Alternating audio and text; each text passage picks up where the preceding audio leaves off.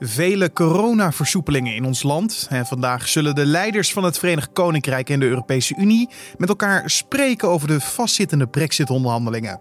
Want dit jaar moet alles afgerond zijn, maar hoe is nog steeds onduidelijk.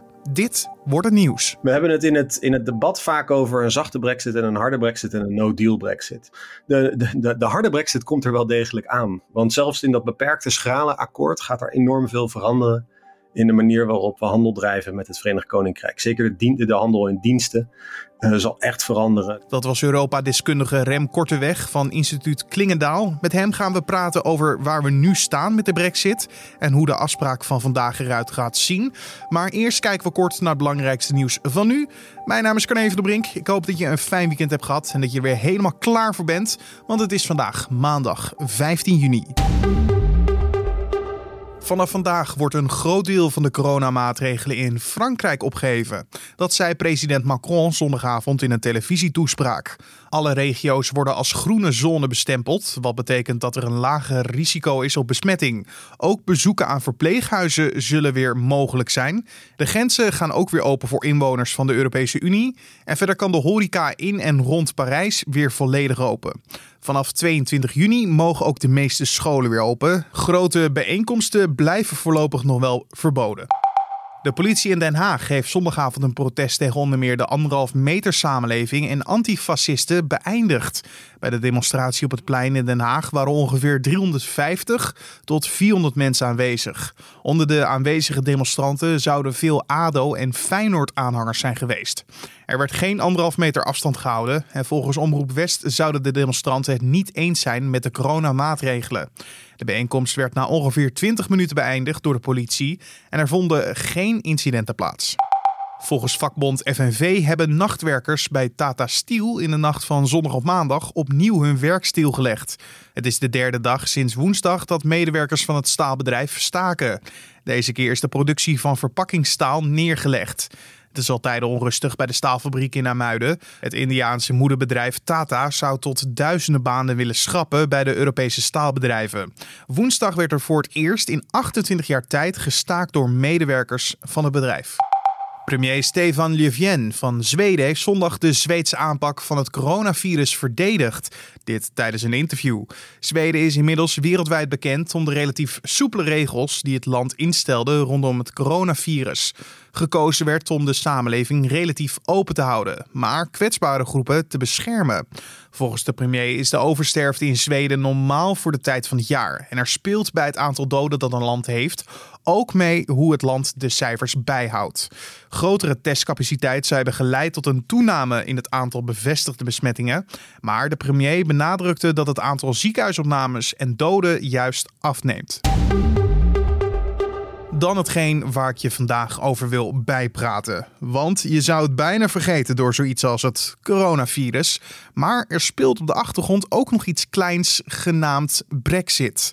Sinds 31 januari maakt het Verenigd Koninkrijk officieel geen deel meer uit van de Europese Unie. Echter, ondertussen is het onderhandelen in vergaderzaaltjes of via videogesprekken nog lang niet voorbij. Dat komt omdat er nu al voor een langere tijd gesproken wordt over het handelsakkoord tussen de EU en het VK. De hoop was altijd op vrije handelsakkoorden, waarbij de handel zo min mogelijk zal worden belemmerd. Maar zoals gebruikelijk in dit proces zit alles muurvast. Vandaag zullen de Britse premier Boris Johnson en de leiders van de Europese Unie met elkaar in gesprek gaan over deze Brexit-impasse. Wij gaan hierover in gesprek met Europa-deskundige Rem Korteweg van instituut Klingendaal, want hij kan voor ons schetsen hoe erg alles momenteel vastgeroest is. Nee, de Brexit-onderhandelingen die bevinden zich op dit moment in een, uh, in een padstelling. Uh, de afgelopen maanden hebben de twee onderhandelaars, Michel Barnier aan de Europese zijde en David Frost aan de Britse zijde, hebben meerdere onderhandelingsrondes gehad, overwegend via de videoverbinding. Um, en eigenlijk hebben zij vorige week de conclusie getrokken dat um, ja, ze het einde van de rit hebben bereikt in hoeverre hun mandaten het toelaten om uh, ja, met elkaar tot een overeenstemming te komen. En dat is een beetje omvloers um, geformuleerd. Maar wat het eigenlijk betekent is dat ze er nu niet uitkomen samen. Ja, en waar loopt het dan de hele tijd op stuk? Er is een aantal dossiers waar um, er echt geen beweging is aan, aan beide zijden. Dat is in belangrijke mate het dossier over de gelijk speelveldgaranties. Dus de Europese Unie die eist van de Britten dat zij zich committeren, dus dat de Britten zich committeren aan het blijven volgen van de Europese regels op het gebied van klimaat, arbeid en milieubeleid. Daarnaast eisen de Europese onderhandelaars dat de Britten zich committeren aan Europese staatssteunregels. En de Britten die zeggen van ja, maar wacht eens even, we zijn onafhankelijk. En um, wij zijn soeverein en wij willen ons helemaal niet op deze manier ja, aan de leiband van, uh, van Brussel leggen. Um, en die twee visies die botsen. En de Europese Unie die zegt van ja, maar dat is, dat is de voorwaarde voor een vrijhandelsakkoord. En uh, vergeet niet dat uh, eh, 45% van de Britse export naar de Europese Unie gaat. Dus wij zijn de, de, de, machtige, machtigste speler in, dit, uh, in deze onderhandeling. En dus kunnen wij dit van, van jullie verwachten. Daar, daar zit een hele legitieme zorg achter, namelijk dat als de Britten zich niet hoeven te houden aan dit soort regels, dan kunnen zij een uh, concurrentievoordeel krijgen ten opzichte van bijvoorbeeld Nederlandse of Duitse of Italiaanse bedrijven. En dat is dus de zorg die, uh, die er aan de Europese zijde is. Dat is één hele belangrijke, uh, heel, één heel belangrijk obstakel. Een tweede is visserij. Visserij is misschien macro-economisch gezien een hele kleine sector. Uh, zowel aan Britse zijde als aan, aan Europese zijde. Maar het is politiek heel gevoelig omdat de Britten zeggen van ja, straks na 31 december zijn wij een, uh, een volledig soeverein land en bepalen wij wie en welk land en welke vissers van welke landen er toegang mogen hebben tot onze wateren.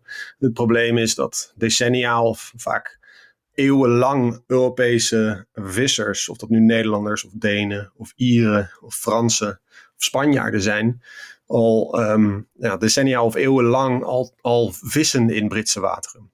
En uh, de Europese Unie die zegt van kijk, uh, als, als we er niet uitkomen, als we geen visserijakkoord kunnen sluiten zonder dat uh, er echt toegang blijft voor, voor, voor Europese vissers tot Britse wateren, dan is er geen breder akkoord mogelijk. Nou, dat, dat, dat knettert nogal in de onderhandelingen. Ja, en dat knettert echt al een langere tijd. Want om even duidelijk te, te zeggen waar we nu in zitten, de transitieperiode.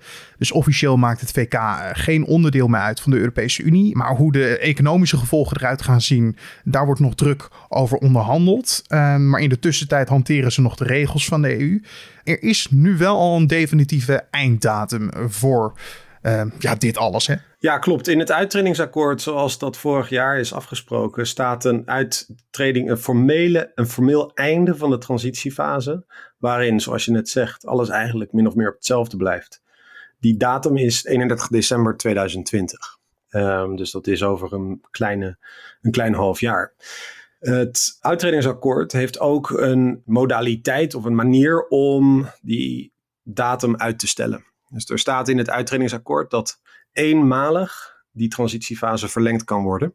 Maar dat moet besloten worden voor 1 juli 2020. Dus over twee weken. Ja, de EU heeft gezegd dat ze daar wel open voor staan. Uh, maar het VK heeft vrijdag eigenlijk uh, nou, die deur wel dichtgeslagen. Hè? Ja, klopt. Um, je moet je voorstellen dat iedereen die zich met Brexit bezighoudt, die zag eigenlijk al wel aankomen dat zelfs als er geen coronacrisis was geweest, dat elf maanden, want uh, de, de transitiefase die is begonnen eind januari, dat elf maanden buitengewoon kort is om een veel omvangrijk handelsakkoord te sluiten. Daar doet de Europese Unie gemiddeld een paar jaar over. Dus het was sowieso al ongelooflijk krap. Nou, daar kwam nog de coronacrisis doorheen. Um, en dat betekent dat bedrijven, maar overheden eigenlijk wel andere zorg aan hun hoofd hebben. En de meeste commentatoren die zeiden van ja, het zou bizar zijn om te, te, te verwachten dat je in de nog kortere tijd die er resteert en de nog beperktere bandbreedte die er is bij de overheden om hier aandacht aan te besteden, dat je het nog steeds in die korte termijn gaat doen tot 31 december. Maar de Britten die hebben um, afgelopen vrijdag hebben ze formeel aangegeven dat ze geen verlenging willen. En uh, ja, dus het zij zo. En um, dat, dat leidt tot eigenlijk twee um, scenario's. Eentje is uh, dat er nu ja, buitengewoon intensief onderhandeld gaat worden. En dat uh, er mogelijkerwijs dan toch een akkoord uitrolt. omdat bijvoorbeeld de Britse zijde concessies gaat doen op hun eerdere rode lijnen. En dat we ergens in september, begin oktober, dat we een soort, uh, ja, toch bij wijze van spreken als een soort mirakel dat er een, dat er een akkoord ligt. En dat, dat, zal, dat zal geen omvangrijk akkoord zijn, dat zal een beperkt, vrij schraal akkoord zijn. En het andere scenario is dat men er niet uitkomt. En dat op 31 december 2020 de, de Britten de transitiefase verlaten. En uh, zonder een akkoord. En dat ze terugvallen op, uh, op WTO-regels. En spreken we dan over een harde brexit, waar we dus nu op afstreven? Nou, die harde brexit, die komt, die, die harde brexit, die komt sowieso. En ik denk dat dat belangrijk is om te onderstrepen. We hebben het in het, in het debat vaak over een zachte brexit en een harde brexit en een no-deal brexit. De, de, de, de harde brexit komt er wel degelijk aan. Want zelfs in dat beperkte schrale akkoord gaat er enorm veel veranderen in de manier waarop we handel drijven met het Verenigd Koninkrijk. Zeker de, de handel in diensten uh, zal echt veranderen. Er, zullen meer douaneformulieren ingevuld moeten worden. Er zullen meer administratieve lasten zijn. Er zal onduidelijkheid ontstaan over de douaneprocedures. Um, en uh, het zal moeilijker worden om met het VK handel te drijven. Dat is een harde brexit. Uh, de no-deal brexit, waar we eigenlijk allemaal echt zorgen om hebben, is dat er niks geregeld is. En dat van de ene op de andere dag als er dus geen akkoord ligt, dat uh, het Verenigd Koninkrijk terugvalt op uh, WTO-regels met alle gevolgen van dien, namelijk in de vorm van tariefmuren die opgetrokken worden en dat het buitengewoon kostbaar en moeilijk gaat worden om met het, uh, het VK handel te drijven, zeker handel in goederen. Hoe ver denk jij dat de EU zal gaan om een no-deal Brexit te voorkomen? Nou ja, dat is een beetje de hamvraag. Kijk, wat de, wat, wat Michel Barnier en David Frost, dus de beide onderhandelaars, gezegd hebben. Eigenlijk hebben ze tegen hun politieke meesters gezegd. Dus tegen Boris Johnson en tegen Ursula von der Leyen. Van luister, met dit mandaat uh, komen we er niet uit. Dus het moet nu naar de, politici, naar de politici. En die moeten aangeven waar er bereidheid zou zijn, eventueel om concessies te doen. Dus uh, de discussie die nu een beetje gaat spelen, en die zal vandaag bij de ontmoeting tussen von der Leyen en, en Boris Johnson zal die niet uh, opgelost worden. Maar dit is iets voor de komende, de komende weken. Um, ja, zal, zal men zich in de Europese hoofdsteden, maar ook in Londen achter de oren moeten krabben. Van ja, wat, hoe, hoe ver willen we gaan? Wat voor concessies willen wij doen? Om het zo maar te zeggen, waar we het net over hadden, over dat gelijk speelveld. Um, het is niet alleen maar Europese, de Europese Commissie of Europese hoofdsteden die vinden dat de Britten zich aan bepaalde gelijkspeelveldgaranties moeten houden. Het is ook het Europees Parlement. En we vergeten vaak het Europees Parlement heeft een veto over een uiteindelijk akkoord. Dus er zijn meerdere partijen die hier allemaal opgeleid zouden moeten worden als je op dit heikele punt een concessie aan de Europese zijde gaat, moet verwachten. De Britten zullen tegelijkertijd een concessie moeten doen dat ze iets minder ideologisch naar het hele verhaal van economische soevereiniteit gaan kijken. Want ze uh, pretenderen zichzelf er hele tijd op van luister, wij zijn economisch soeverein. Wij gaan ons absoluut niet verbinden aan bepaalde verplichtingen om regeltjes hier of daar te volgen. Maar ja, dat is wel de realiteit van internationale handel. En als je markttoegang wil, dan zal je toch ook een beetje de regels moeten volgen van de markt waar je toegang toe wil. En die discussie die zal ook moeten veranderen. Maar dat, dat ligt dus niet bij de onderhandelaars. Dat ligt primair bij de politici. Die eigenlijk dat mandaat moeten herzien. Of dat gaat gebeuren, dat is nog maar de vraag. Maar is dan deze, is, maar is dan deze meeting van vandaag tussen Boris Johnson en von der Leyen van de EU en alle mensen die de onderhandelingen leiden, is die dan, uh, gaat die dan echt heel belangrijk zijn en de komende meetings die er komen? Nou, hij is belangrijk in zoverre dat um, er zal uitgestraald worden van, goh, we gaan, uh, we gaan nog niet de stekker uit de onderhandelingen trekken. We gaan er nog een keer een, uh, uh, we gaan nog een keer een poging wagen. We gaan de, de onderhandelingen die gaan we uh, intensiveren. Dus wat ze gaan afspreken is een nieuw schema van onderhandelen. Dus de afgelopen periode um, is het eigenlijk één week op, twee weken af geweest. Dus één week onderhandelen en dan twee weken uh, um, terug naar je, eigen, naar je eigen hoekje, om het zo maar te zeggen. Wat ze nu willen doen is eigenlijk iedere week onderhandelen in verschillende formats. Dus ze willen echt veel intensiever. Dus, dus als je het positief wil bekijken, dan, dan um, gaan uh, von der Leyen en Boris Johnson met elkaar afspreken dat ze uh, ja, er nog een schepje bovenop gaan doen. Um, dat staat dus even los van die politieke discussie waar ik het net over had, die nog steeds plaats moet vinden uh, in de verschillende Europese hoofdsteden en in Londen. Over waar je concessies op kan doen of niet.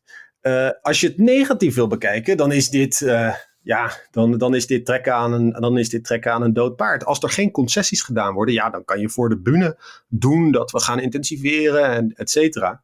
Het probleem is, ehm, we weten niet of er een akkoord gaat komen. En hoe langer die onzekerheid duurt, hoe langer het ook onzeker blijft voor al die bedrijven die even los van de coronacrisis en de een, enorme economische klap waar ze mee te maken krijgen als gevolg van de epidemie en de lockdowns, dat ze uh, nog ehm, ja, dat, het, dat het onduidelijk is op, op wat voor een brexit zij zich moeten voorbereiden. En die tijd die wordt steeds korter. Dus wat je eigenlijk vanuit het bedrijfsleven wil, is dat je zo snel mogelijk duidelijkheid krijgt van deal of no deal. En dat blijft nu nog steeds een beetje uh, boven de markt hangen. En dat zal nog wel even duren. De, het nieuwe schema van onderhandelingen geeft aan dat ze eigenlijk tot september wel die intensieve cyclus van onderhandelingen willen gaan uh, volgen. Uh, maar dat betekent dus dat we pas in september misschien enigszins duidelijkheid hebben over welke richting dit op gaat. Dat was Europa-deskundige Rem Korteweg van instituut Klingendaal. En dan kijken we wat er verder nog op de agenda voor vandaag staat. En dat is dat het vandaag een dag is waarop meerdere coronamaatregelen worden versoepeld. Per vandaag mogen ouderen in verzorgingstehuizen weer meerdere bezoekers ontvangen. Daarnaast zijn gemeenschappelijke douches en wc's op campings en vakantieparken weer geopend. Alleen mensen met eigen sanitair in een camper of caravan konden nog naar de camping of een vakantiepark. Maar door de versoepelingen worden deze locaties ook weer toegankelijk voor mensen die er met slechts een tent op uit willen. En maandag is tevens ook de dag dat het MBO, HBO en wetenschappelijk onderwijs in beperkte mate beginnen met het afnemen van toetsen en tentamens op locatie. En praktijklessen worden ook weer opgestart. En dan nog even het weer. In het noorden is het overwegend bewolkt en regent het vooral in de ochtend. Ook vanuit het zuiden komen in de middag enkele buien het land binnen. En aan het einde van de ochtend of begin van de middag kan het door het hele land veel gaan regenen. Het is iets koeler dan in het weekend. De maximale temperatuur loopt uit van 18 graden in het noorden en het noordwestelijk kustgebied tot 25 graden in het zuiden. Af en toe laat de zon zich wel zien, maar aan de noordwestkust begint het mistig. Later in de week is het wisselend bewolkt met vooral aan het begin van de week soms regenbuien. De maximale temperatuur blijft tussen de 20 en 25 graden liggen. En dit was dan de Dit wordt het nieuws podcast voor deze maandag 15 juni. De podcast help je door een feedbackmailtje te sturen naar podcast@nu.nl of een recensie achter te laten bij Apple Podcast. Vergeet je ook niet te abonneren. Dat kan gewoon gratis in je favoriete podcast app. Spotify, Apple Podcast of Google Podcast. Download die apps. Zoek dan naar nu.nl Dit wordt het nieuws. Je kan je gratis abonneren en zo mis je geen aflevering. Mijn naam is Carne van der Brink. Ik wens je een hele mooie dag en graag tot de volgende podcast.